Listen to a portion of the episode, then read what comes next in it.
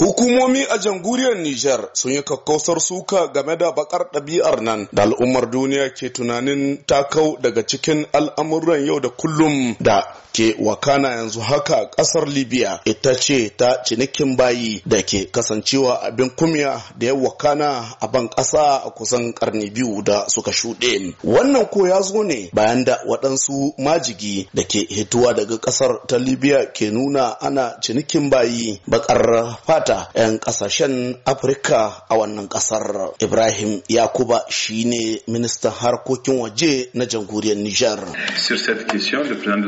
Nous a instruit de nous mettre en contact avec tous les autres pays africains pour qu'ensemble, à la prochaine réunion Union européenne-Union africaine qui va se tenir dans quelques jours. Game da wannan lamarin shugaban ƙasa ya umurce mu da mu tuntuɓi sauran ƙasashen Afirka domin a taron tarayyar Afirka da takwarata ta tarayyar Turai a ƙarshen wannan watan wannan zance ya kasance a sahun gaba. Mun san cewa in ji ministan na harkokin waje na jamhuriyar Nijar Ibrahim Yakuba mutane suna iya yin kowane irin aika-aika amma a zato ba za su abuka irin wannan ta'asar ba ta kumya a wannan karnin na 21 ashe ashe. Don haka duk duniya da dukkan 'yan Nijar suna nuna takaicinsu game da wannan abin da ke wakana. Akan haka shugaban ƙasar jamhuriyar Nijar ya yi Allah wadai da wannan lamarin. Haka zalika ya nemi dukkan ƙasashen duniya da su yi Allah wadai da wannan abin na cinikin bayi da ke wakana yanzu haka a ƙasar ta Libya. Et ça, le président s'est élevé par rapport à cette situation et il a appelé l'ensemble du monde à se mobiliser pour y mettre. A nasu ɓangaren ƙungiyoyin kare haƙƙin ɗan adam na jamhuriyar Nijar sun soma yin Allah wadai da wannan lamarin kamar yanda Dani shugaban ƙungiyar ANDDH ta kare haƙƙin ɗan adam reshen birnin Kwanni ya bayyana mini a ɗazu-ɗazun nan. Inna lillahi wa inna ilaihi raji'un bisa ga a ce yanzu